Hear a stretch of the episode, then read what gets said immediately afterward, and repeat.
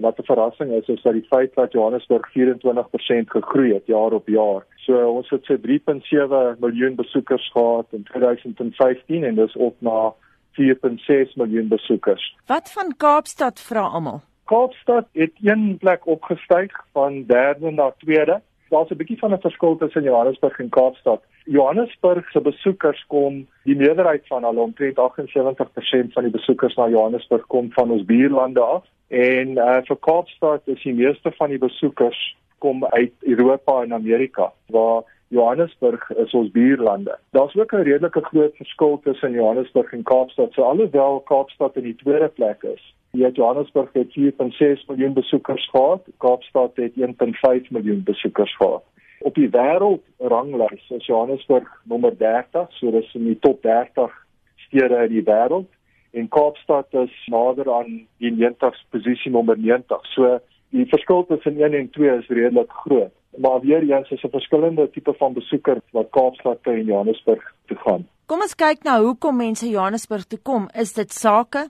Nee, dit is plesier, plesier en uh, ontspanningsdoeleindes. As jy kyk na ons buurlande, Mosambiek, Zimbabwe, jy weet Swaziland, Lesotho en so aan, kom die besoekers tot plesier en in daai plesier is die grootste spandering wat plaasvind is vir inkopies. Dit wys Johannesburg het 'n groot verskeidenheid goeie handelaars en winkels en ons pryse en kwaliteit teenoor wat jy sal kry terug in daai lande is, is nog steeds baie beter. So, jy weet, as jy kyk, die spandering is 4% op jaar op jaar. As jy kyk na ons as Suid-Afrikaners, veral oor die afgelope kom ons sê 18 maande, spandeer ons eintlik 'n bietjie minder. Ons hou vas aan ons geld en wat ons nodig het is besoekers om daai spandering te dryf. Nou vir 'n stad soos Johannesburg is dit 'n goeie ding want dit is 4% op jaar op jaar ons spandering, jy weet, of groei as land is 0.3 van 'n persent en dit wys net die belangrikheid van toerisme en besoekers want hulle het die geld om te spandeer maar ons miskien as Suid-Afrikaners redelik plat staan in terme van ons eie spandering. Dit gee die ekonomie 'n hupstoot verseker. Dit wys weer eens die belangrikheid van toerisme. Moet ons as Johannesburgers dan nie kapitaliseer op hierdie groeiende toerismemark nie? Martin van Niekerk, eienaar van Junction Communications, is een van Suid-Afrika se voorste kenners en ontleeders van toerisme tendense. Hy glo dis noodsaaklik om hierdie tendens te manipuleer. Anika, jy is heeltemal reg. Die ou ding is natuurlik die rimpel effek van toerisme. Hoe meer mense kom en hoe langer hulle in 'n bestemming bly, hoe meer geld spandeer hulle by plekke soos toerisme aantreklikhede, hotelle, restaurante.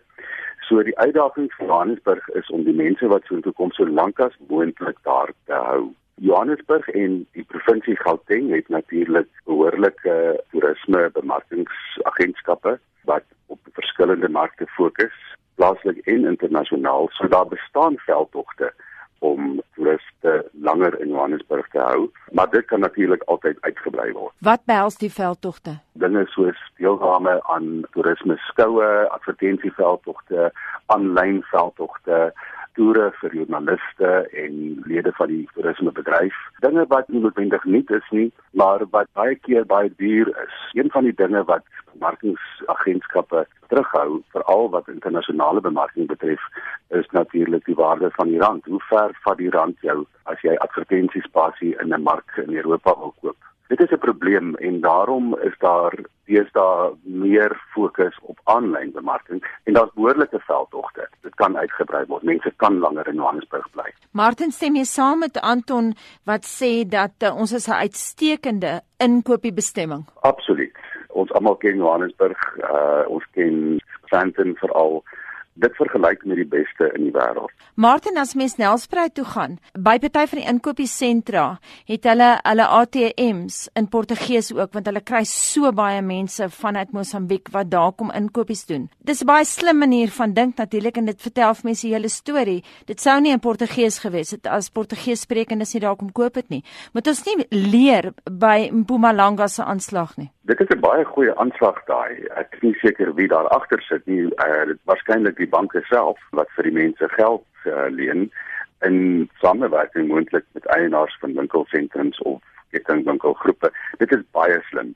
Hoe gemakliker jy dit maak vir 'n toerist, hoe gemakliker gaan hy voel, hoe beter gaan hy voel, hoe groter is die kans dat hy langer daar gaan bly en nog meer dinge doen. Met ander woorde, nog meer geld uitgee by daai bestemming. Johannesburg se prentjie is meer kompleks. Ek sou nie sê dat die besoekers dat daar een groep is wat uitstaan in terme van taal noodwendig nie. Dit is 'n bietjie meer kompleks, maar dit is definitief iets waarna Johannesburg maatskappye en toerisme agentskappe in Johannesburg na kan kyk.